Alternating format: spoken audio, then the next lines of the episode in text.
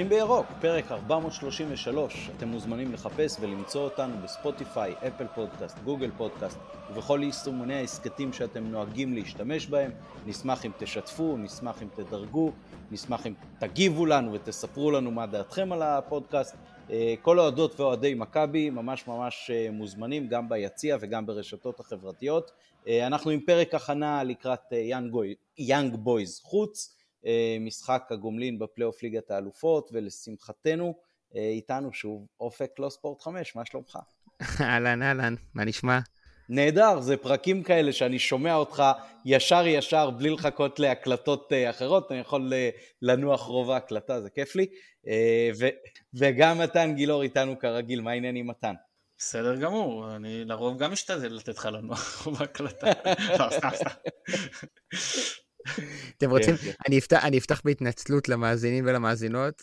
אני יושב עכשיו בקצה היישוב נטף, איפה שהמשפחה של אשתי גרה, של תמר, ואני אומר לעצמי, אם רק יכולתי להקליט מפה כל יום פרק, ושהרוח תהיה כזו, והקולות שאני אשמע זה בעלי חיים, מצד שני, לכו תדעו מה יהיה עם האינטרנט, אז הכל פה זה על תנאי, כי זה הצד השני של לגור בנטף, אז אני מקווה שיהיה בהצלחה, ואם לא, אני מתנצל. יאללה, נחזיק אצבעות שגם הפרק יעבור בשלום וגם המשחק שאליו אנחנו מתכוננים הערב, אבל לפני המשחק אה, נביחות. מתן, אופק, מי נובח ראשון? אני אתן לאורח את ה... לא, מתן, מתן. אני? אני, אז יאללה. אני, יש לי משהו אופטימי להגיד. תשאיר אותו לסוף. ויש לי נביחה קצת ארוכה, וזה על כל נושא הכרטיסים עם אה, הפועל ירושלים. בואו ניתן רגע את הרקע העובדתי כמו שאני מבין. עד העונה היה נהוג, בואו נלך טיפה אחורה, לפני כמה שנים עשו שינוי בתקנון ההתאחדות והכילו את הדבר הזה שנקרא מחיר כרטיס אחיד. כלומר קבוצה יכולה כדי לא להצטרך למכור לילדים וחיילים במחיר אה, של מחצית ממחיר הכרטיס הנקוב, יכולה להחליט על מחיר של 50 שקלים או נמוך מכך ואז למכור לכולם ב-50 שקלים. אז זה היה נהוג מאוד ש-80 ו-40 וקבוצות שרצו להוזיל נגיד ל-60 פתאום היו צריכים לעשות 60 ו-30 וזה היה קצת מוגזם. אז אמרו בואו נעשה 50 מחיר אחיד וזה פיילוט שעבד יפה מאוד ואז אה, התחילו אה, לא מעט קבוצות, בעיקר הקטנות, במחיר אחיד של 50 שקלים, ובחלק מהמקרים גם הגיעו לסיכומים עם הקבוצות הגדולות, אנחנו ניתן לכם 50, אתם תיתנו לנו 50, וכולם היו אה, מרוצים מהעניין. ובאיזשהו שלב זה התחיל קצת לטפס, באיזושהי טענה גם שהגיעה מצד המינהלת, שכדי לצאת ברייק איבן, מחיר כרטיס צריך להיות בסביבות ה-60 שקלים, וזה באמת התחיל לטפס לאורך השנים, ועלה ל-60 שקלים כרטיס מחיר אחיד. כשהוסיפו על זה עמלות, אז אם זה היה משרד כרטיסים חיצוני, לרוב היה, משרד כרטיסים חיצוני לרוב לוקח 10% עמלת מכירה מוקדמת ועוד 5% ועוד 5 שקלים סליחה עמלת דמי טיפול. זאת אומרת שאם מחיר הכרטיס הנקוב הוא 100 הם לוקחים 115 ואם הוא 60 לוקחים 71 ומשרד כרטיסים פנימי כמו של מכבי פשוט לוקח קבוע 5 שקלים עמלת מכירה מוקדמת ו5 שקלים דמי טיפול כלומר 10 שקלים קבוע אה, לא משנה מה מחיר הכרטיס כאילו אם הוא 60 זה יעלה 70 אם הוא 100 זה יעלה 110 בסדר זה איזשהו רקע עובדתי. ואז אה, קבוצות שהיו מוכרות אה, דרך אה, מכבי, נותנות להם את, למכבי למכור את הכרטיסים, אז בעצם מכבי הייתה מעבירה להם את, אם זה מחיר אחיד, בואו ניקח את זה כדוגמה, הייתה מעבירה להם את ה-60, ושומר, שאני שוב מזכיר, זה מעל המחיר שהתקנון מתיר, אני אתייחס לזה עוד מעט, ושומרת לעצמה את העמלה של 10 שקלים, כיוון שהיא מנהלת את האופרציה.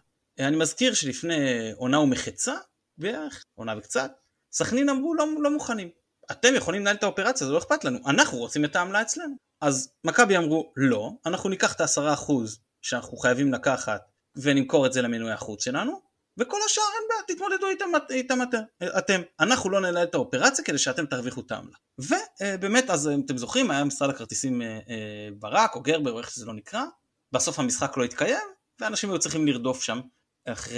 אה, מה שקורה עכשיו עם הפועל ירושלים, הפועל ירושלים אומרים למכבי אגב להבנתי, אתם יכולים לשמור את העמלה, אנחנו לא מתכוונים שאתם תנהלו את האופרציה ואנחנו ניקח את העמלה, אבל, אבל, מחיר הכרטיס הנקוב האחיד הוא 65 שקלים. פתח סוגריים, שנה שעברה נס ציונה ניסו להיות הראשונים שלוקחים אחיד 65 שקלים. הייתה תרעומת, עמותת היציאה הצפוני פנתה, ו...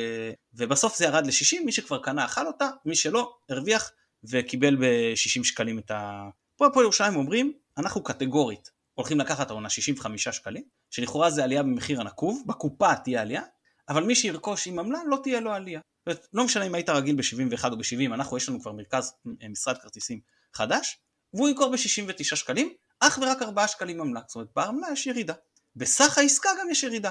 אם אתה היית נגיד דרך לאן זה שני שקלים, ואם היית דרך מכבי זה שקל אחד. אז uh, מכבי באה ואמרה, תראו, אנחנו את האופרציה שלנו, לא משתלם לנו לנהל בשביל 4 שקלים. אז או שאנחנו שומרים אצלנו 9 שקלים ומעבירים לכם 60, כמו שהיה נהוג עד פה, הנה שקל אחד אנחנו מוכנים לספוג, או להרוויח פחות שקל אחד על כל כך, או שבמחילה, בלי כעס, אתם תנהלו את כל האופרציה. כי אנחנו בשביל 4 שקלים לכרטיס לא מוכנים לנהל את האופרציה, ושוב אני אגיד פה במאמר מוסגר, שייתכן, אני לא יודע, שמכבי אומרת לעצמה, גם אם משתלם לי לנהל את האופרציה למשחק הזה או לכל משחק בארבעה שקלים לכרטיס, הרי שיש פה תקדים, ואז יגידו לי כל הזמן, מה, עשיתם בארבע אז אתם מסוגלים לעשות בארבע, תעשו תמיד בארבע. להגיד מראש, אני לא משתלם לי בארבע, מאפשר לי לכל הפחות להמשיך ולגבות עשר. אני לא יודע אם זה נכון, אני מעלה איזושהי אה, אה, אפשרות ל, ל, ל, למחשבה, בסדר? בקיצור, לא שווה למכבי לרדת למשחק אחד לארבע, אפילו אם זה יהיה רווחי, בשביל אחרי זה להיפגע ב-35 משחקים אחרים, או נגיד שיהיה פה איזשהו תקדים וירד ל-30 משחקים אחרים, שהיא מוכרת בעשרה שקלים אה, עמלה לכרטיס. ואז מה שקורה, שכרגע הפועל ירושלים אה, מנהל את המכירה. מבחינת אוהדי מכבי, יש פה איזה סוג של פגיעה. אמנם הם משלמים שקל פחות, שזה לא מאוד מהותי, אבל א', מי שקונה רוצה לקנות בקופה, ישלם יותר, פחות רלוונטי לאוהדי מכבי, כי אצלנו הכרטיסים לרוב נמכרים לפני, יותר אולי רלוונטי לאוהדי קבוצות אחרות, מי שרגיל לקנות בקופה, ישלם מעכשיו אה, חמישה שקלים יותר. ויש פה פגיעה בחוויית המשתמש, שלגבי כל מי שיש לו גרין פלוס או מנוי ותיק, יש פה עניין של צבירה למשחקים האחרים. ואנשים אומרים, אנחנו מקטטים רגלינו באמצע שבוע, בערב, בפקקים לטדי, אנחנו רוצים את הזכאות הזאת אחרי זה לבלומפילד וטרנר. לא רוצים שאלה שיתעצלו לעשות את הדרך הזו, לאו דווקא יתעצלו, אני סתם אה, אה, נותן איזשהו איש קש, בסדר? הם הם אחרי זה, אה, איתם אנחנו נצטרך להתמודד בלי שיש לנו את המשחק הזה. ועולה פה עניין של מנויי החוץ. שאני כרגע, אה, כמובן גילוי נאות, אני מנוי חוץ. בין מכבי לבין מנויי החוץ יש הסכם. אני מתחייב לרכוש והם מתחייבים לספק. עכשיו יש מקרים שפותרים אה, את מכבי מהצורך לספק, אני אפילו לא בטוח, יכול להיות שמכבי מכוסים פה משפטית, העניין לא משפטי מבחינתי, עקרוני. מכבי למשל, אם היא לא מקבלת ההקצאה מהקבוצה היריבה, בניגוד למה שתקנון ההתאחדות מכריח אותה, להעביר לא מקבלת, בוודאי שהיא לא יכולה לתת לי כמנוי חוץ. אם היא אה, נגזר משחק ללא קהל או ללא קהל חוץ, עכשיו רוצים לעשות איזה שינוי בתקנון שבמקום רדיוס יהיה קהל, או במקום סגירת יציאים או לא יודע מה יהיה, קהל אה, ללא קהל חוץ, אז מכבי בוודאי לא יכולה לספק לי כרטיס. אני מצפה ממכבי שכל עוד היא יכולה לספק לי כרטיס, היא תספק לי כרטיס בתור מנוי חוץ. עכשיו, מכבי במקרה הזה יכלה להגיד, אנחנו לא מעוניינים לנהל את האופרציה בשביל 4 שקלים בסדר. אבל למנועי החוץ שלנו אנחנו חייבים להבטיח כרטיס. אבל אז או להגיד אנחנו נקודתית נספוג בשבילם, כי אנחנו מעריכים אותם ועל אלף כרטיסים אנחנו מוכנים לספוג את החמישה שקלים האלה, אפשרות אחת. אפשרות שנייה, להגיד תראו מנועי החוץ, לא יירשם לכם חיסור אם לא תקנו דרכנו. אנחנו פותחים לכם את האופציה ב-75 שקלים. אותה עמלה רגילה שאתם רגילים, שאתם רגילים לשלם 10 שקלים, זה מה שאנחנו גובים, רק ככה משתלם להפעיל את או שתלכו לקנות אצל הפועל ירושלים ב-69, תודיעו לנו, תגידו, אני לא מתכוון לרכוש דרככם, שוב, לא יירשם לכם חיסור.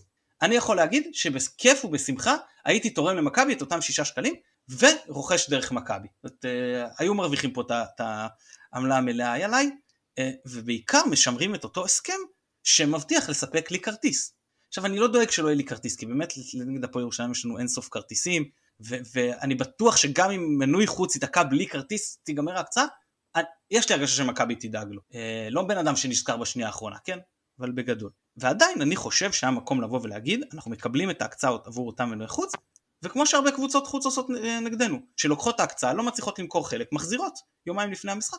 לקחת, לא מצליחים למכור, להגיד להפועל ירושלים, תראו, 500 מכרנו, 500 אמרו שהם יקנו אצלכם, בבקשה קחו את הכרטיסים האלה בחזרה. למה שהפועל ירושלים ייקחו את הכרטיסים בחזרה? הם מכרו אותם למכבי חיפה בכסף. לא, ת, תמיד יש לך את האופציה להחזיר מה שאתה לא מוכר. כמו שקבוצות מחזירות לנו. כמו שיש פה אירוע שקורה פעם לא, ראשונה. מכבי לא קונה את זה מהפועל ירושלים. מה שהיא מוכרת היא מעבירה להפועל ירושלים. היא לגמרי אה, אני, לא בטוח, אני לא בטוח שאתה צודק, ואני גם, בהקשר הזה, בכל השאר כמובן דעתך לגיטימית ואתה יודע יותר ממני, אני לא בטוח, לדעתי מכבי חיפה קונה את הכרטיסים ואז היא צריכה למכור אותם, וגם אם לא, מי מבטיח שהפועל ירושלים יקבלו אותם חזרה. א', אני לא חושב שאתה צודק, אני חושב שרק מה שמכבי מוכרת היא מחויבת להעביר את הכסף להפועל ירושלים ואת השאר היא יכולה להחזיר.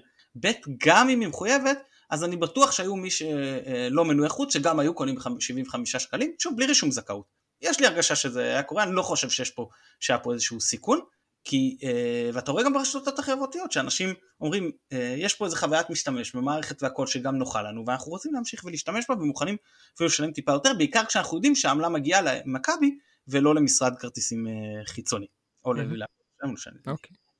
לכל זה אני רק אוסיף מה שאמרתי שאני אתייחס אליו, כשנס ציונה לקחו את אותם 65, אני פניתי לתובע ההתאחדות, ואמרתי לו, תראה, עזוב ש-60 היה כבר מעל, לקחו פה 30 אחוז יותר מהנקוב בתקנון, למה אתה לא מעמיד אותם לדין?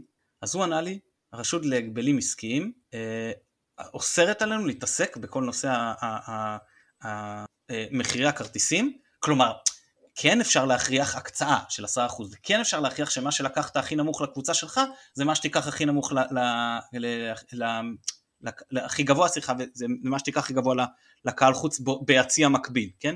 וכאלה, זאת אומרת, אתה לא יכול להפלות, אבל אה, אסור להם להתעסק באותם מחירי מינימום, סוג של קרטליזציה כאילו ותיאום אה, מחירים.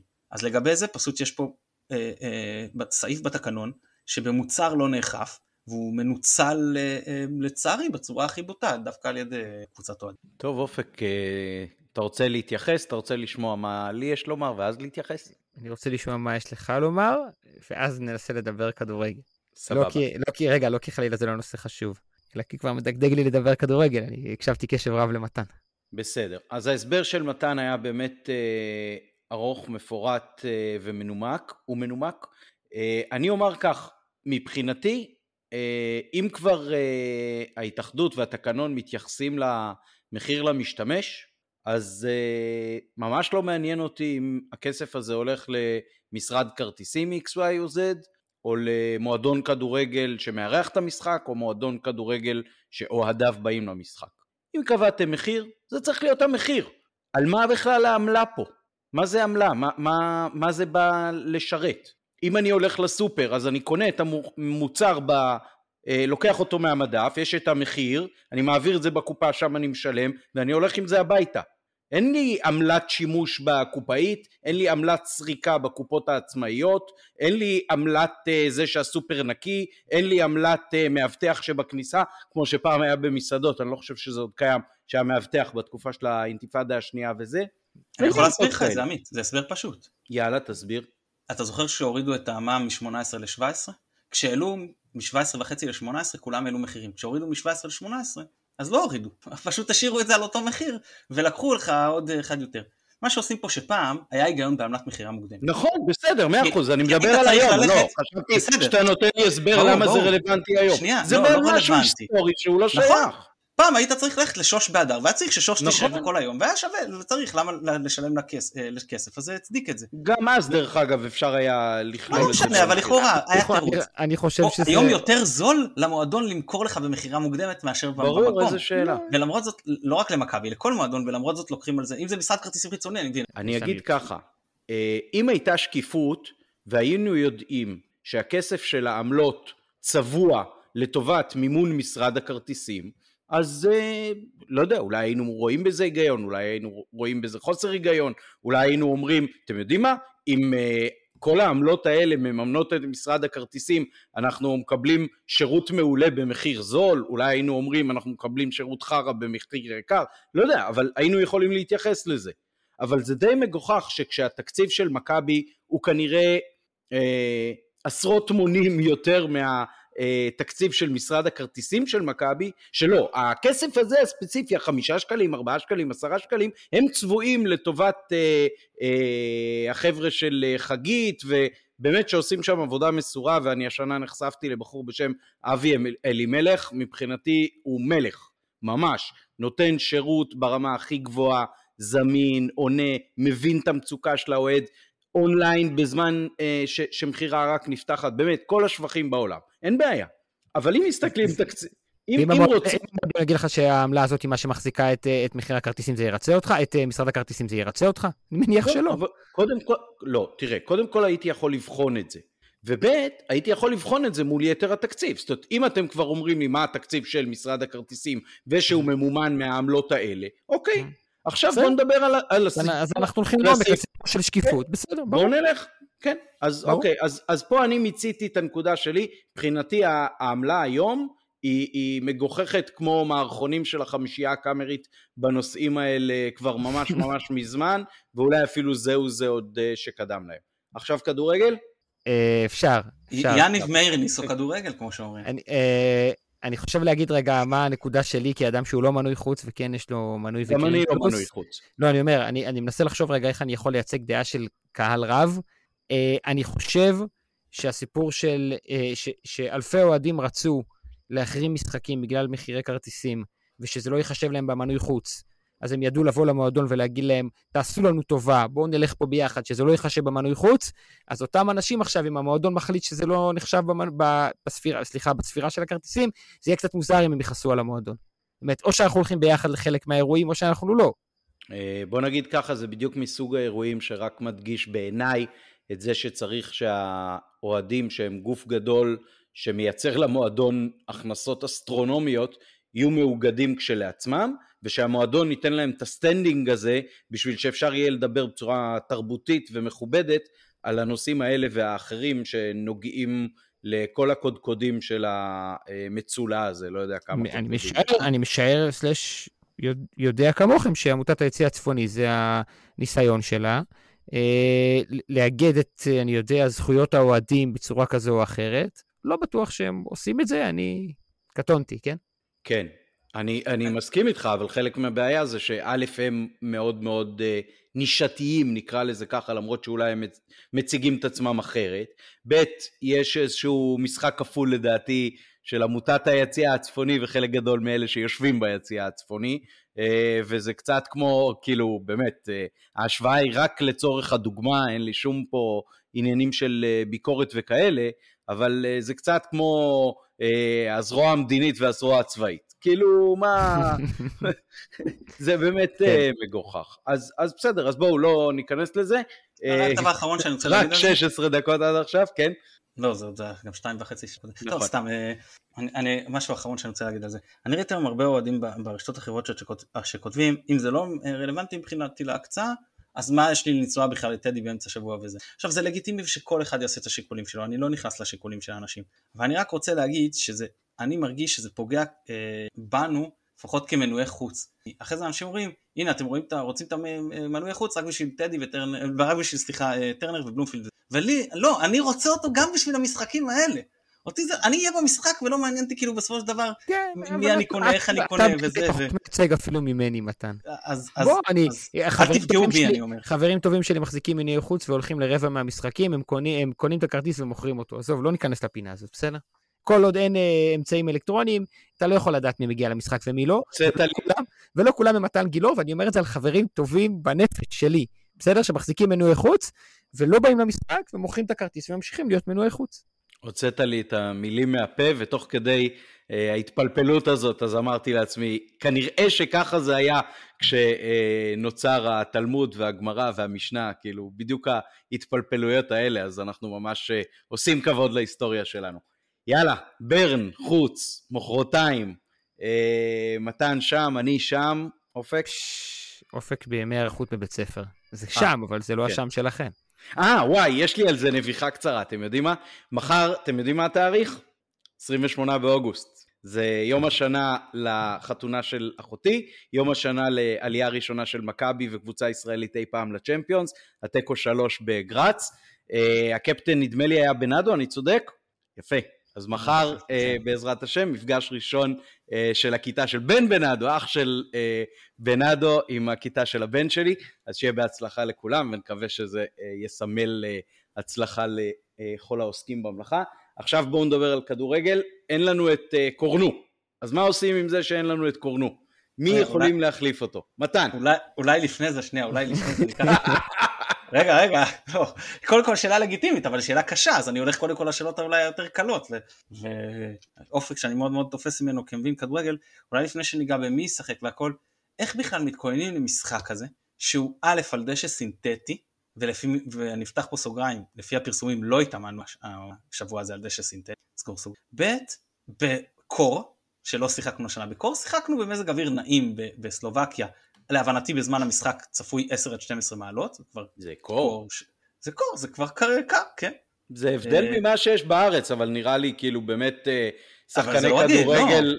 לא. רגע, יכול להיות, והשלישי... זה כמו, זה כמו אה, אני צריך אה, להתאמן בשביל אה, להרגיש בסדר כשעושים לי נעים בגב.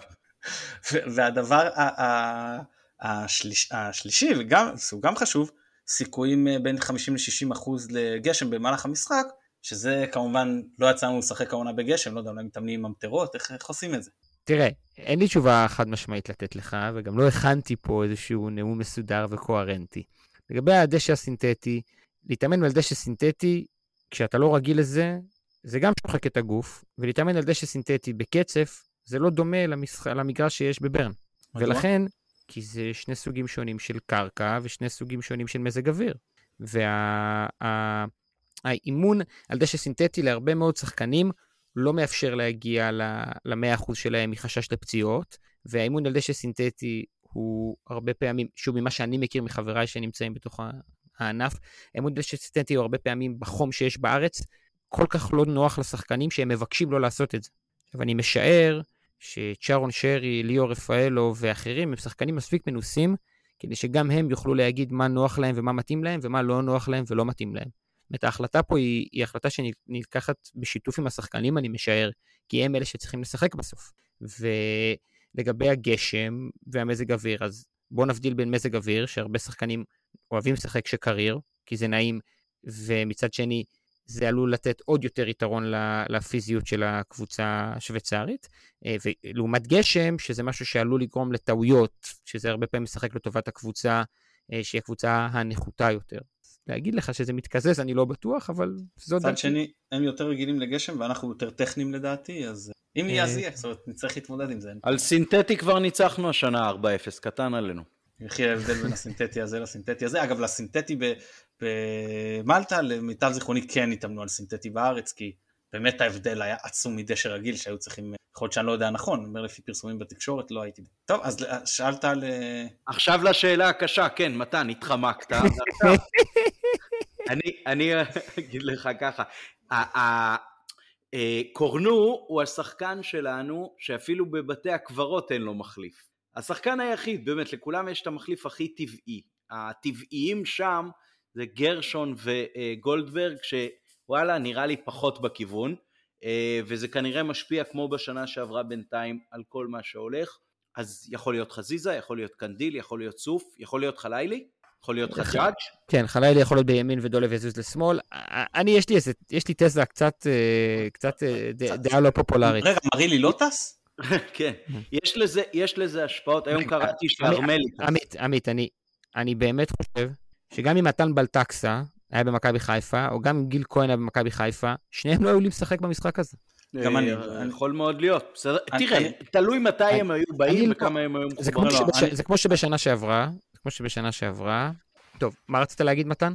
לא, מה שאני רוצה להגיד, שכרגע לדגו יש 14 שחקנים שהם שחקני הליבה מבחינתו, הם שיחקו את רוב המשחקים, הם שיחקו את מירב הדקות, הוא הכי מאמין בהם, הוא הכי סומך עליהם. עכשיו אתה מוציא את קורנו, נשארו 13 שחקנים. בסדר, זה ההרכב שפתח נגד אה, אה, ברן, ושלושת המחליפים, שזה אה, רפאלוב, דין דוד וחלילי, כשאני לא רואה מצב שהוא פותח עם, אה, שהוא פותח עם אה, רפאלוב. בסדר, זה, זה דעתי, אה, בגלל הגיל של רפאלוב והכל, זה חלק מה, מהעניין. כן. זאת אומרת, שאלא אם יעשה משהו שאותי מאוד מאוד מאוד יפתיע, בגדול הוא צריך לבחור פה הרכב, ואחרי זה מערך וזה, מתוך 13 שחקנים. מתוך 13 שחקנים. אה, זהו, זה, לא, אבל יש... מתוך, סליחה, 12 שחקנים, אני מתקן, מתוך 12 שחקנים. רגע, רגע, אבל רגע, אתה עושה פה שנייה, לא שהוא לא יכול, לא שהוא לא יכול, אני פשוט לא רואה את זה קורה. ואז נתאר לו 12 שחקנים, שזה העשרה שפתחו, לא כולל קורנו, זה דין דוד וזה חלילי. מאלה, לדעתי, הוא הולך לבחור את ההרכב. יכול להיות שאני טועה, יכול להיות שהוא ישים את צ'ימיץ' אה, נכון. בלם ואת שון גולדברגס מגן ויפתח בקו ארבע, כן, הכל יכול או, להיות. או את דניאל בצד לא, כן. אני פשוט לא רואה את זה קורה. ואני לא רואה עכשיו נכנס את גרשון או קו חמש עם אה, שיבלי או, או, או עם פוטגורנו. כן, אלה השחקנים שרצתם, אלה השחקנים שכרגע נמצאים בכושר הכי גבוה לנקודת הזמן הנוכחי, ו- ואני חושב שאיתם הוא יפתח. בהתאם להתפתחויות הוא יוכל לשנות. ולכן, בהינתן זה, כמו שאני רואה את זה, אה, הוא לא יוותר על השלושה בלמים, בטח כשאין לו מגן שמאלי טבעי, מה שאומר שנראה לי שדולב חזיזה יהיה מגן שמאלי, חלה, כאילו ווינגר שמאל, חיילי ווינגר ימין, ואז נשאלת השאלה, האם זה סבא או האם זה דין דוד, ולדעתי כרגע זו השאלה היחידה להרכב. אני, אני מקבל את כל מה שמתן אומר, ואני גם חושב שהתזה שנבנתה על ידי מתן על סיפור 12-13 שחקנים שמשחקים את רוב הדקות היא נכונה. כן, יכול להגיד, גם לצורך הדיון וגם כדי לפתוח קצת את הראש של המאזינים, שהמון פעמים מאמנים מעדיפים לא לשים פלסטר במקום אחר ולפתוח פצע במקום חדש. זאת אומרת, שאם אנחנו נשארים באותו קו 5 שתיארת, ועוד רגע נדבר על החשיבות של הקו 5 הזה בעיניי, כי אני חושב שבמשחק האחרון, כל הביקורות של יואל דגו שלא עבר לקו 4, אה, הן ביקורות של אנשים שאם הם עומדים שם במקום דגו, רובם לפחות לא עוברים לקו 4. אמ, אז בהנחה שדגו נשאר בקו 5, הוא יכול לבחור אחד מבין שיבלי, חג'אג' או סוף, ופשוט להחליף את קורנו. ואז הוא לא משנה שום דבר אחר, ואז נדבר רגע על דיה או דין, שם לדעתי הוא יחליף. אמ, ו- ו- ואז דולב נשאר בעמדה הכי טובה שלו, ודניאל נשאר בעמדה הכי טובה שלו, וסק נשאר בעמדה הכי טובה שלו, ושון נשאר בעמדה הכי טובה שלו, והחלפת שחקן אחד בלבד, וכל השאר uh, קדימה. Um, כמובן שגם קנדיל הוא אופציה לצד ימין, כמו ענן חלילי, אם uh, דגו ירצה ש- שדולב יעשה שמאלה, סביר בעיניי לפחות, שדגו יעלה עם חלילי ועם דולב בכנפיים, מתוך state of mind שאומר, אני חייב ללחוץ ולהיות דינמי. כי אם השוויצרים יושיבו אותי אחורה, אני אקבל גול מתישהו. זאת אומרת, אני חייב להיות במאבק כל הזמן, אני חייב שהשחקנים שלי ישחקו גבוה, אני חייב שהמפגש בין השחקן שלי לשחקן של, של יאנג בויז יהיה כמה שיותר אה, מקדימה. וחלילי הוא שחקן שהרבה יותר דוחף קדימה מקנדה לצורך העניין, או מסונדגרן, נכון? עלתה אופציה שסונדגרן ישחק wing ימין, ו... וישחקו שלושה בלמים, אה, נגיד אה, שימיץ', אה, סק ושון. אז, אז גם דניאל הוא לא שחקן כזה התקפי, ודניאל גם לא טוב בקו חמש על כל הקו, ראינו את זה שנה שעברה, בכר התעקש על זה כמה משחקים, ולדעתי אפילו באחד הפרקים פה אמרתי לכם, רואים שזה לא נוח לו, זה מבליט את החסרונות שלו, וזה ממש ממש מוריד מהיתרונות שלו. אותו דבר על שון גולדברג בצד שני, זאת אומרת, אני לא, שוב, יכול להיות שאני אתבדה וכל מה שאני אומר עכשיו ילך לפח. אני לא רואה את מסה משחק אחד מהבלמים אה, אה, בכנף, כי זה פשוט מביא את ההתקפות של היריבה.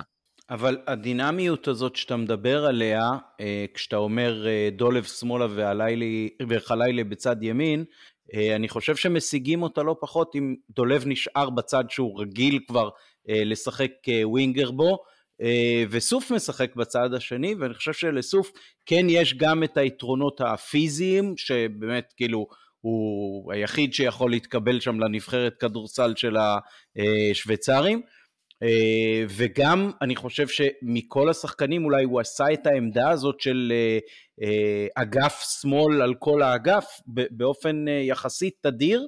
גם צריך לזכור שהוא התאמן שנתיים בקצב אירופאי גבוה בקבוצה איטלקית, זה כן משהו שטיפה יותר אולי מכשיר אותו גם למהירות המשחק ומהירות המחשבה שנדרשת פה. אני לא בטוח שחלילה, עם כל זה שהוא נתן חצי שעה טובה ומרשימה, יש לו את, את הכוח, יש לו את ה-state of mind גם של לרדוף באגף, גם בחלק ההגנתי שלו, כמו שדולב כבר רגיל לעשות. ופה נכנס בדיוק מה שמתן אמר בהתחלה. בדיוק. כי אם בסוף, בשורה התחתונה, רגע לפני שמסאי דגו הולך לישון, היום בלילה לפני האימון המסכם מחר, או מחר בלילה לפני המשחק, מסאי דגו צריך להחליט בין ענן חלילי לבין סוף פוטגוריאנו, עד כה הוא החליט כל הזמן ענן חלילי, ולדעתי הוא ימשיך לעשות את זה. כן, אבל הוא לא החליט עליו כשחקן על כל האגף, הוא תמיד היה החלק נכון, הקדמי. נכון, זה, ואני... זה נקודה חשובה, זאת אומרת, כל עוד הוא לא נתן לו לשחק אה, כל wing... גם לסוף, גם לסוף. גם לסוף, נכון. לסוף אבל הוא לא נתן בכלל, אז אנחנו לא יודעים בכלל. לא, סוף הוא שיחק... נתן לו מעט מעט, אבל... אה, נגד שריף הוא שיחק את הקו ימין הזה אה, במהפך, בהערכה וכולי, בחמישה. אבל שוב, יש פה, יש פה כנראה גם מערכת יחסים שמושתתת על ההיכרות של מסיידגו ושל ענן חלילי, וזה גם ניכר בביטחון שאיתו ענן חלילי הוא על הדשא. יש סיכוי שהמערכת יחסים הזאת תגרום בסוף לזה ששיבלי יהיה שם כל האגף? שאלה מצוינת. האם, האם שיבלי או סוף, נניח ומסי מחליט לוותר על ענן או לשים את ענן חלוץ, אפשר לדבר גם על זה.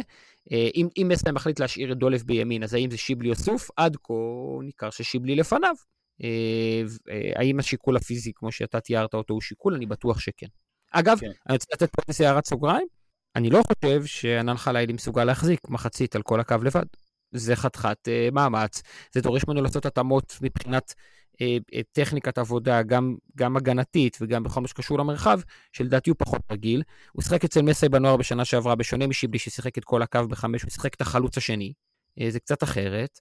אה, ו- ו- ואחרי שאמרתי את כל זה, אני מסייג ואגיד, ענן חלילי בשלושה חודשים האחרונים שבר הרבה מאוד תיקות זכוכית. הוא התחיל כמחליף שולי בנוער, ובכלל לא, היה, לא חשבו שהוא יעלה לשחק בנבחרת של לוזון, וראינו איך זה נגמר.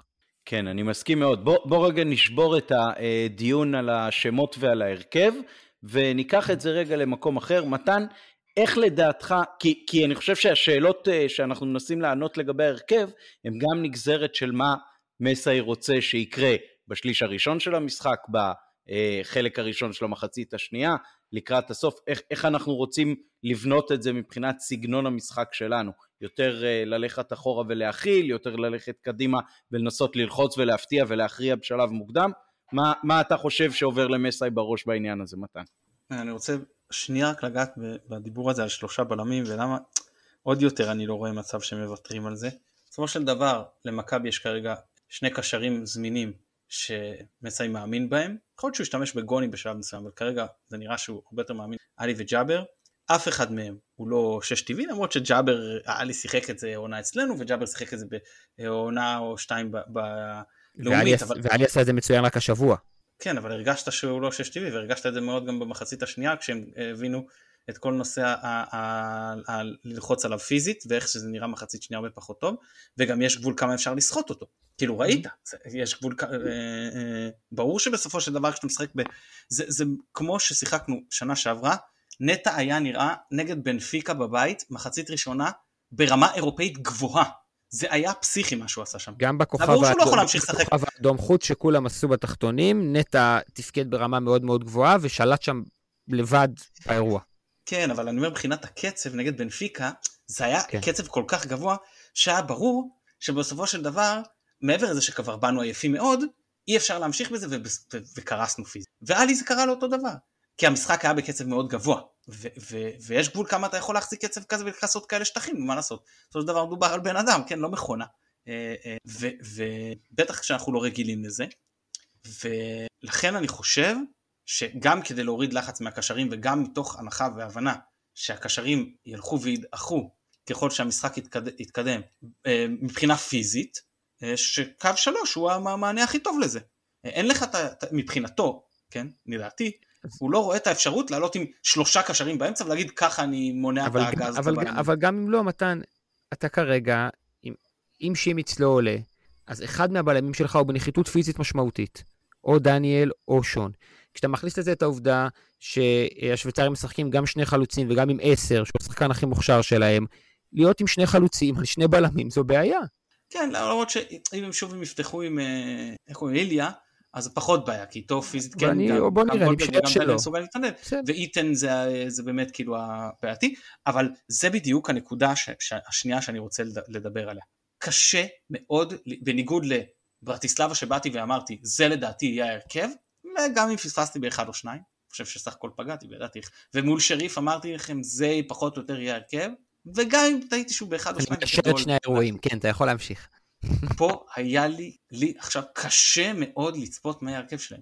יש כאלה שאתה יודע שיפתחו, כאילו איתן, רידר, כן, הגנה שני אה, בלמים, אז יש בלם מחליף, שני בלמים זה נראה שזאת רגע. קמרה. מגן אה, ימני, כן. כן, ויאנקו, והשוער תזכירו את שמו, לא חשוב. תמשיך, כן. אוקיי, אז יש פה חמישה שחקנים שאני מסמן, כמו שאמרת, שוער מגן ימני, בלם, שישה, סליחה, אה, צד ימין ביהלום, אה, אה, רידר וחלוץ אחד, שישה שחקנים, שאני אומר נראים לי בנקר. גם על החלוץ אחד הזה אני מוכן להתעכב איתך. על איתן? אני כן. חושב שהוא מאוד מאמין בו, שהוא יפתח איתו זה גם... אוקיי, לא אתפלא אם... זה תחושתי. אוקיי.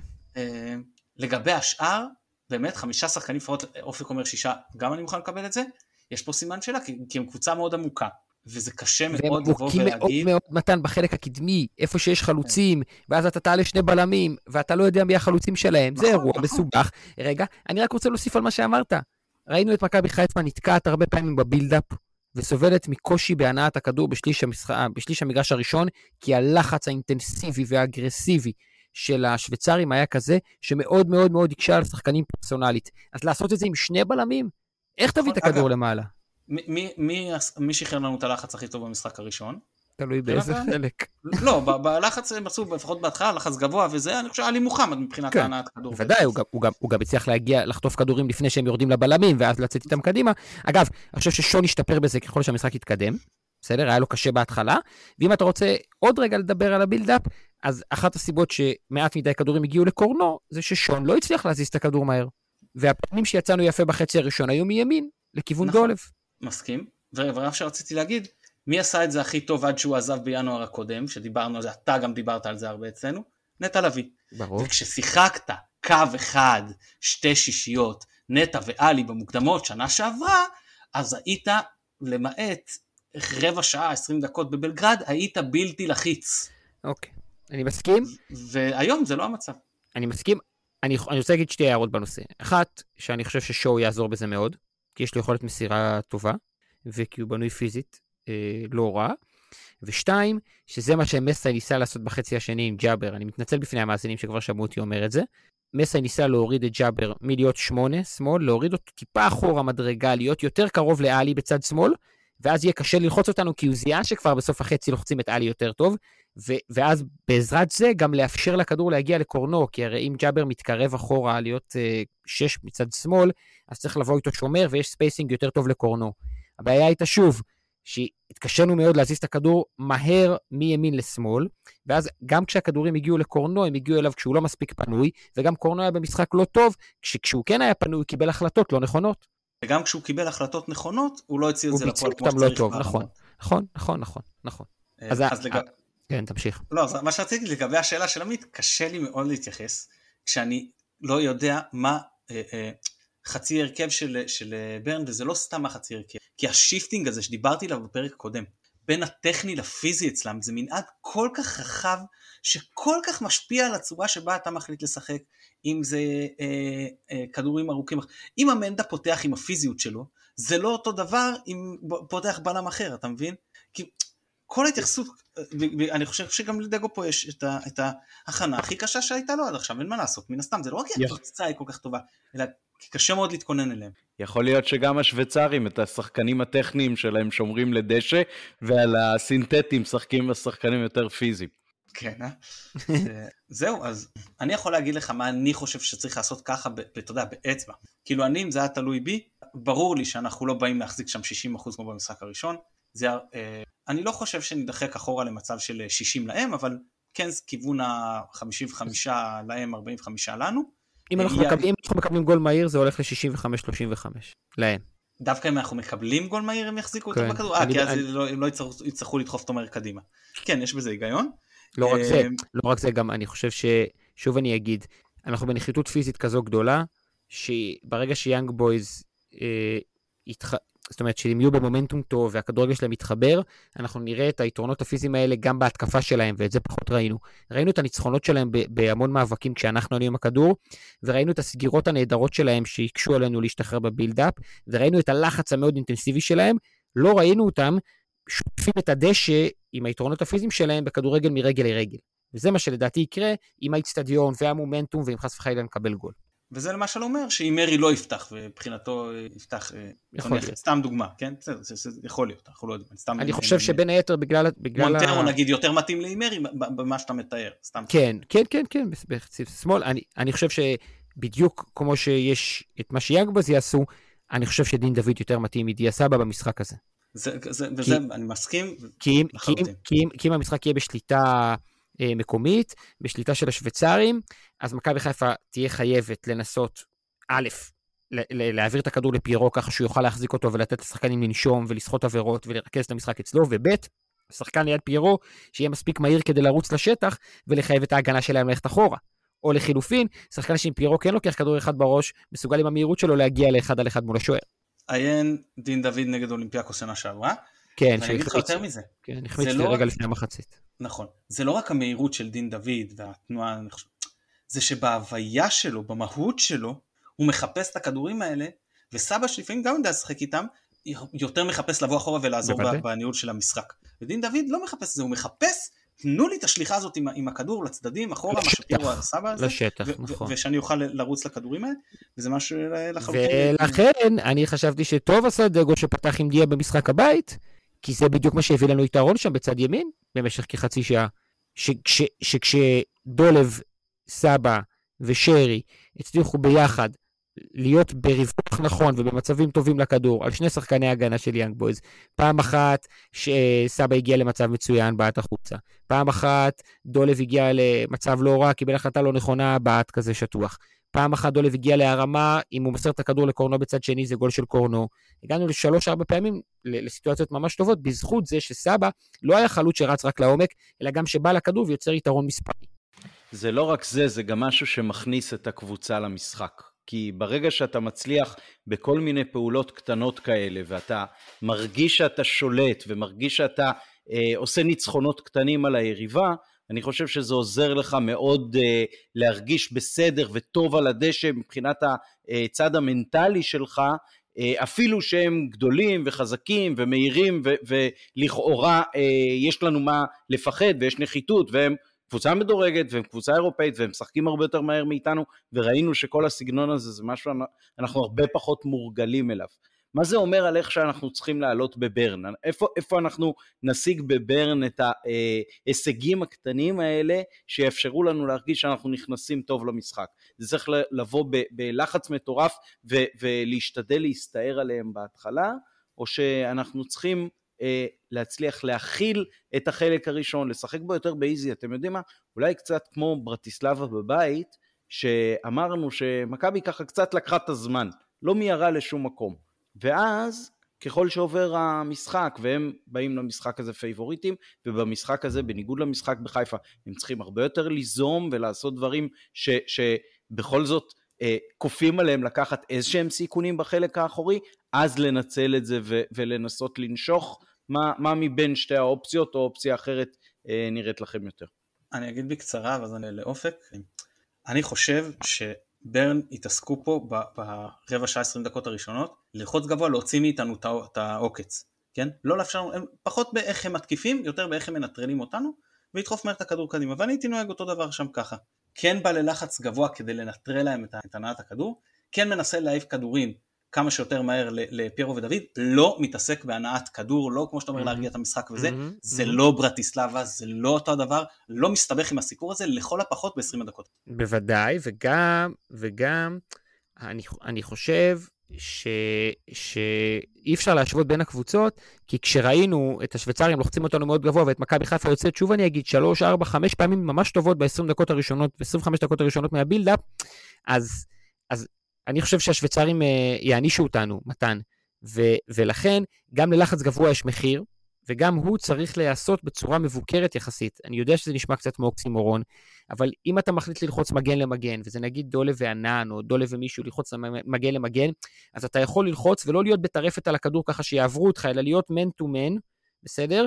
וש- וגם ללחוץ וגם לקחת פחות סיכון, בסדר? כי, ה- כי ה- הסיטואציה שבה...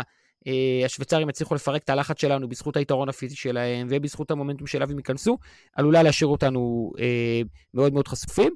אני אגיד שאני חותם על מה שאתה אומר בהקשר של uh, להעיף את הכדור. זאת אומרת, זה נשמע רע, זה לא מכבי חיפה, זה לא מה שאנחנו מקווים לראות.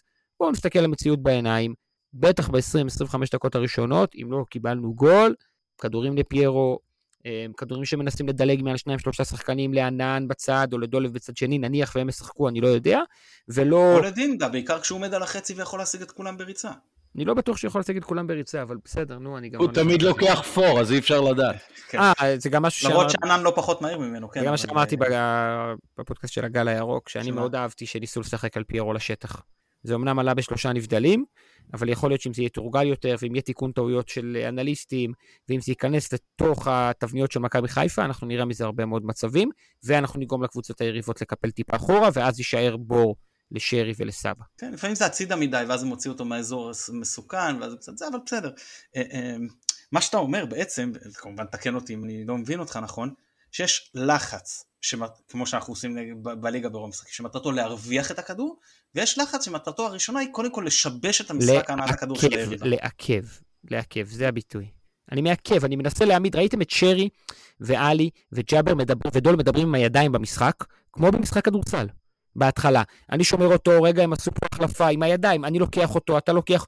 זה הרבה פעמים לחץ שמעכב את הקבוצה היריבה, וזה מאוד מאוד חשוב. גם אם הוא לא מביא לחטיפת כדור מיידית, הוא לא מאפשר לקבוצה היריבה ליצור יתרון מספרי במקומות אחרים. כן, שמעתי את שרי צועק לדולב אה, פיק ימין לחנדר. כן, בדיוק. טוב, כן. אה, הנקודה הנוספת שלי היא שאני חושב שמסיידגו יצטרך לעשות חילופים אה, מהר יותר ובכמות גדולה יותר. אה, לתחושתי השחקנים יהיו אפילו עייפים יותר ממה שהם היו במשחק הזה, כי לעשות הגנה זה הרבה פעמים יותר קשה פיזית מלעשות התקפה. אה, גם מנטלית, גם פיזית. דיברנו על ענן, אני חושב שאם נהיה בפיגור, הוא יהיה חייב את היכולת הפתעה של דיה סבא על הדשא. אולי באמת לראות את שורנוב, שפיזית הוא כן נראה כמו שחקן שמתאים לרמה הזו. אני לא עד הסוף יודע מה, אני כן חושב שהוא יצטרך להגיב אה, ולהשתמש איתה בספסל. של רפאלוב שתבוא לידי ביטוי אם זה ילך צמוד לסוף המשחק. מה שבטוח שמי שמבין דוד וסבא שלו יפתח ורפאלוב ישולבו זה אין לי ספק, והשאר אני חושב שבהתאם להתפתחויות. אוקיי, אם, אם אנחנו חוזרים לגעת בשמות, אז מה לדעתכם הסיכוי ששימיץ' אה, יפתח? אם כן, מה זה אומר על ההרכב? אה, ואם לא, אז אה, באיזה נסיבות נגיד הייתם משלבים אותו ו- וכן נותנים לו מקום? ש- שימיץ' יכול לשחק בשלוש או ארבע קונסטלציות. הראשונה היא, אם רוצים לדחוף את אחד מהבלמים הצדדיים, להיות מגן. זאת אומרת, אם רוצים ששון גולדברג יהיה wing שמאל, אז אפשר להכניס את שימיץ', כבלם שמאלי או כבלם באמצע ולהזיז את uh, סק, ואם רוצים לדחוף את דניאל ימינה אז אפשר שוב להכניס את שימיץ'. אז אה, אלה קונסטלציות מסוימות. קונסטלציה שנייה היא אם ממד הגובה והפיזיות חשוב ואז מוותרים על שון או מוותרים על דניאל. וקונסטלציה שלישית היא תוך כדי משחק, אם מכבי חיפה נמצאת באמת, כן, באיזשהו יתרון, ואז רוצים לשמור על התוצאה, ומשחק הראש שלו חשוב, הגובה שלו, הניסיון שלו וכולי. אגיד לך שאני חושב שהוא יפתח בהרכב, אני מניח, לא יודע, מניח, שהתרחיש שבו הוא יראה דשא יהיה תרחיש רמי גרשון בבל, כלומר אנחנו צריכים עכשיו בלם חזק, גבוה, שהוא יותר חזק ויותר גבוה, אנחנו גם ככה יחסית מתחקים לאחור, המהירות פחות צועקת תפקיד, בחלק האחרון של המשחק, שם זה יכול לבוא לידי ביטוי, לא רואה את זה קורה אחרת. יש לי עוד uh, קונסטלציה, אה, מוכן? כמובן לא מדבר על פציעות וזה, יש לי עוד קונסטלציה, מוכן? עם uh, מסי... סק חלוץ ו...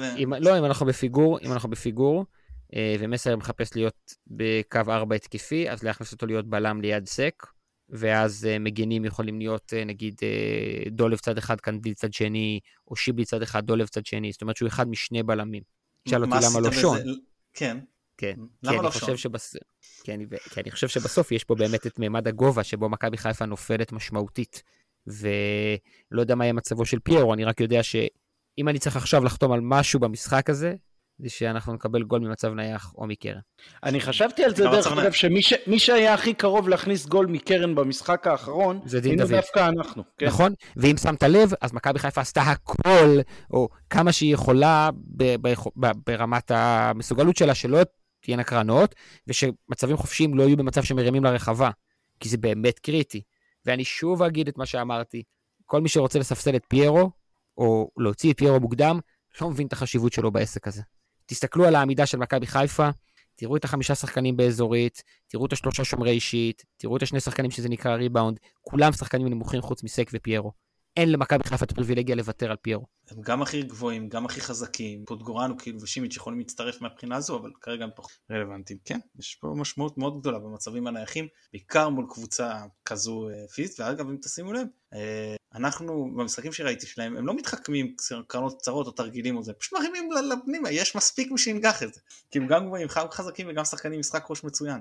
אה, פה, אני חושב שהשחקן עם משחק הכי ראש שלהם, ראש הכי טוב אצלם בשני הצדדים זה אמנדה, אבל אני לא יודע, הוא לא פתח במשחק הראשון ואני לא יודע אוקיי, okay, אז כדי שתוכלו לבוא בסוף ולהגיד למישהו, לא יודע למי, אמרתי לך, אז uh, uh, מה ההרכב האמרתי לך שלך, uh, מתן? עם איזה הרכב מתן גילאור היה עולה בברן uh, מוחרתיים?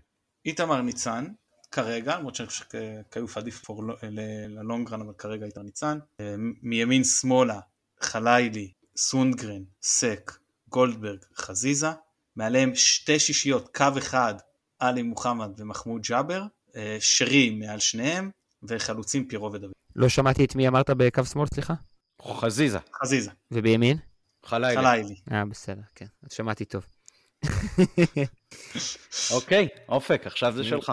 אני הייתי עולה אותו דבר, והייתי עולה אותו דבר לא כדי שאחרי זה יגידו, אה, אה, עלית התקפי או משהו כזה, כי שמעת ביקורת על המשחק קודם. לא, אני בהחלט חושב שמכבי חיפה צריכה לעשות כל מה שהיא יכולה ומסוגלת כדי לא ללכת אחורה. זה יהיה מאוד מאוד מאוד קשה.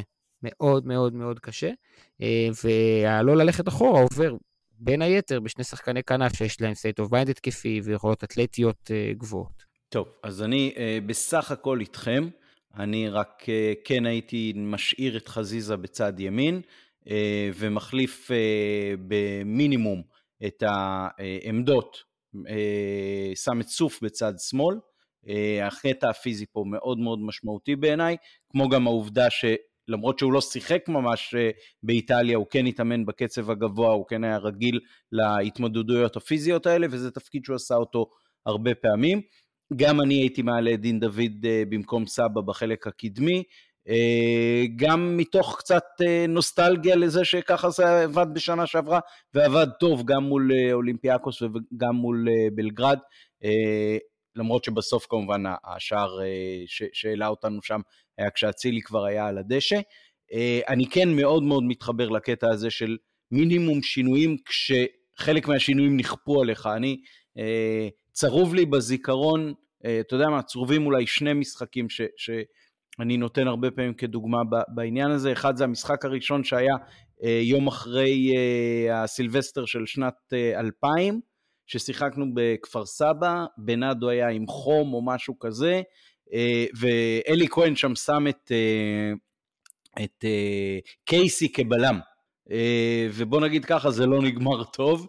אני לא זוכר אם זה היה 1-1 או שהפסדנו 1-0 או משהו כזה, אבל זה היה משחק ממש אחד החלשים שלנו באותה עונה, שהיו בה תצוגות מאוד מאוד יפות.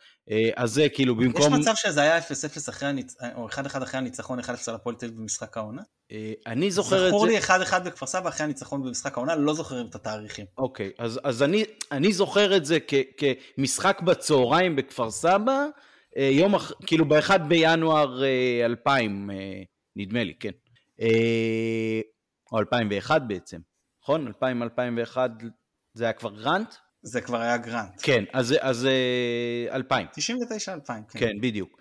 אה, והמשחק השני שאני זוכר זה, זה אחרי הניצחון על אה, חזר לנקרן ש, שהיה באירופה בעונה של אה, בנאדו ואוזן ש, שהם התחילו את העונה ועשו אחלה התחלה באירופה והכל ואז מחזור שני אנחנו באשדוד היו שני חילופים קפואים בהגנה כי שחקנים שם היו פצועים לא זוכר מי והם החליטו גם לשחק בלי אה, אחד הבלמים הרגילים, אולי אה, אה, צ'וצ'ליץ', לא, לא זוכר, אחד מהם. אה, זה פה ערבובים, אבל... יכ... למה? כי חזרנו מאסטרה ג'ורג'ו אחרי משחק ביום חמישי ליום ראשון באשדוד, ולהפך, אני חושב שהרוטציה לא הייתה מספיק גדולה במשחק הזה, כי השחקנים היו גמורים. מהמשחק על ה... במרעה שם של אה, אסטרה ג'ורג'ו, זה לא היה אחרי השמונה. לא, אני, אני לא, לא אמרתי שזה היה כאילו מבחינת אה. תזמון, אני אומר מבחינת אותה עונה. אגב, אה, ובדקתי, כן, זה היה ניצחון ב-27 בדצמבר, 1-0 על הפועל תל במשחק עונה, ואז 1-1 בכפר סבא בראשון. כן, אוקיי, אז יפה. אה, אז זהו, אז, אז אני לא אוהב שכשיש לך אה, חילוף או שניים שהם קפואים, להתחיל לעשות מישמש גדול מדי, להפך, אז תשמור כאילו על, על הקור שלך, על, על השלד שלך, כמו שצריך, ככה אני רואה את זה לפחות. טוב, אז אנחנו אמרנו את האמרנו שלכם. עוד משהו לקראת uh, ברן, חוץ מזה שיהיה לנו הרבה הרבה בהצלחה וכמה שפחות גשם, אני שונא גשם. וואי, אני רוצה לאחל לכם גם שתהנו מהחוויה ותהנו מהמשחק ותהנו מהעיר, וגם אם תרצו חיבוק אחרי שתחזרו מבואסים, אז אני אהיה פה. כן, את, ה- את הדיבור הזה שלך על זה שמי uh, שישחקו בצ'מפיונס השנה זה יאנג בויז, אני שומע לכל אורך הדרך, אבל בסדר, באמת, uh, מה, מה שנקרא, זה, זה יכול ללכת לכל הכיוונים. אה, אני לא בא עם איזה אופטימיות אדירה, אבל אה, בפירוש עם אמונה שזה משהו שיכול לקרות. מכבי אה, של השלוש שנים האחרונות עשתה דברים הרבה יותר מדהימים מאשר לנצח בשוויצריה את יאנג בויס. כן, כן, כן. Okay. תפקח אוקיי. עיניים ותגיד את זה. ה-4-0 על אולימפיאקוס בחוץ. מאה אחוז, מאה אחוז. בעיניי. ואתה יודע מה? ה-2-1 על רוסטוב בקבוצה שרק מתהווה, ועם פאני, שזה בערך משחק שלישי שלו בהרכב של מכבי, היה אחד המשחקים הכי מדהימים של הקבוצה הזאת. אז, זה, אז זה הכל... לא מצחיק, זה לא מצחיק בכלל. בכלל, בכלל. לא, נאמר בשידור. זה השידור של הגול. מותר אה, דלת? כן, אה, נכון, זה היה, זה לא מצחיק בכלל, כן. בדיוק. אני, אני, כן, לפני הדלאפ שלך, אני רק אגיד ככה מילה עוד פעם, במישור המאוד אישי, אני נוסע עם הבת שלי, פעם ראשונה משחק חוץ אה, בשלב הפלייאוף שהוא אה, מכריע וזה, היינו פעם קודמת בלימסול, אבל זה כבר היה גמור. אה, כאבא, יותר בא לי שהיא תחווה את המשחק הזה בכיף ותהנה ממנו ושנעלה בשבילה, מאשר שחשוב לי שמכבי יהיו דווקא בצ'מפיונס ולא באירופית. מתן. אני, אני מאוד מתחבר למה שאמרת עכשיו. מבחינתי שהייתי בקרייסקאקיס, אז uh, כאילו לא חשבתי בכלל שנעבור, וכל כך רציתי, אבל זה בשביל הילדים שהיו איתי שם, זה באמת היה כאילו העצים את החוויה בצורה מאוד... עכשיו לדלאפ. Uh, לא טרגדיה, ואחרי שושלת כזאת, להיות בעונה של ליגה אירופאית, בעיקר אם אנחנו, ומה שמסתמן, נהיה מדורגים בדרג השלישי, אני באמת מאמין במכבי שמסוגלים לסיים שלישי בבית של ליגה אירופאית, ללכת לפליי אין של uh, ליגה אזורית, לקבל קבוצה שסיימה שם מקום שני, לא יודע, אפשר להגיע לחורף בעונה הזאת. אני רוצה להיות בליגת האלופות. אני אתפעס אם לא ננצח את המשחק, כי לא ננצח, כי אין לכם משחק של מכבי ואני רוצה לנצח אותו, זה בכלל לא קשור למשמעויות. ועדיין, עדיין, זו לא תהיה טרגדיה ברמת הרוזנבורג ולא ברמת המלמו, לא דומה לזה. אפילו אם זה נפסיד בדקה ה-90. וואי, זה השוואות קשות ממש. אם כבר מפסידים, אל תעשה לנו את זה כל כך לא. טראומטי, כאילו, אוקיי. למה בכוח? תרחם, אלירן. אני פשוט מסכים עם, אתה יודע, עם עיקר הדברים שלך. זה, אני לא אגיד שאני מעדיף ליגה אירופית כי זה תבוסתני וכי אוהדים שונאים את לא, זה. לא, לא מעדיף, אבל... אני מסתכל, כשאני מסתכל על העונה הזו ואני רואה את היריבות בליגת העל ואני רואה את השחקנים במכבי חיפה שצריכים לעשות את הקפיצת מדרגה ואת אלה שכבר קצת נשחקו או עברו הרבה מאוד שיאים, אני חושב שיהיה טוב יותר למכבי חיפה בליגה אה, לעבור 36 מחזורים לצד ליגה אירופית ולא לצד צ'מפיונס ליג. זה הכול. כן, אתה לקראת סוף העונה הבאה בכלל ביקשת שתהיה לנו עונה רגועה עם מקום חמש, אז... זה אה, אחרים. אני זרמתי, לא, אני לא יכולתי, נו, הלב שלי לא עובד בזה. זה הילד הרע שבא מבפנים. מאה אחוז, חברים. קצת, אתה יודע, אני לא בגיל שלכם, אני באמת צעיר יותר, ואני את המאבקים של 2009, 10, 11, ראיתי בתוך תוך כדי שירות צבאי, והרבה מאוד משחקים פספסתי, כי, כי קורס מ"כים וכי קווים בטיזינמו וכאלה. אה, בואנה, אני לא, אני, אני שכחתי איזה כאב לב זה, מאבק אליפות. כן. זה, זה, זה כאב לב, זה לחץ, זה דופק. כן, כן, זה לא, זה לא מתקהה עם השנים. הלב שלי לא כאב אצל לוזון או אצל רוטן, כן, הוא כאב, פשוט לפחות לא כל משחק היה בפלייאוף, היה, אני יודע, אני צריך קוצב לב, כאילו, כאילו התייבשתי. אבל איזה אושר היה לנצח את אשקלון. אגב, איזה אה, מאפן, אני כל הפרק חשבתי שכשנגיע להרכב, כשאני אגיע למספר 10 שלנו, אני אגיד, אה, אה, ההוא שדן ביטון לא נופל ממנו, למבינים את הרפרנס. יפה. אבל כן. חילול הקודש. מה שאני רוצה להגיד למאזינים, שכמובן יהיה פרק סיכום של אה, ברן, שאני מקווה להשתתף פה, אבל לא בטוח שזה יתאפשר לאור איזו התחייבות, אה, נראה. ויהיה אה, לנו גם פרק הכנה נפרד להפועל ירושלים. המשיכו לעקוב ולהאזין. זהו, תודה לכולם. ברור.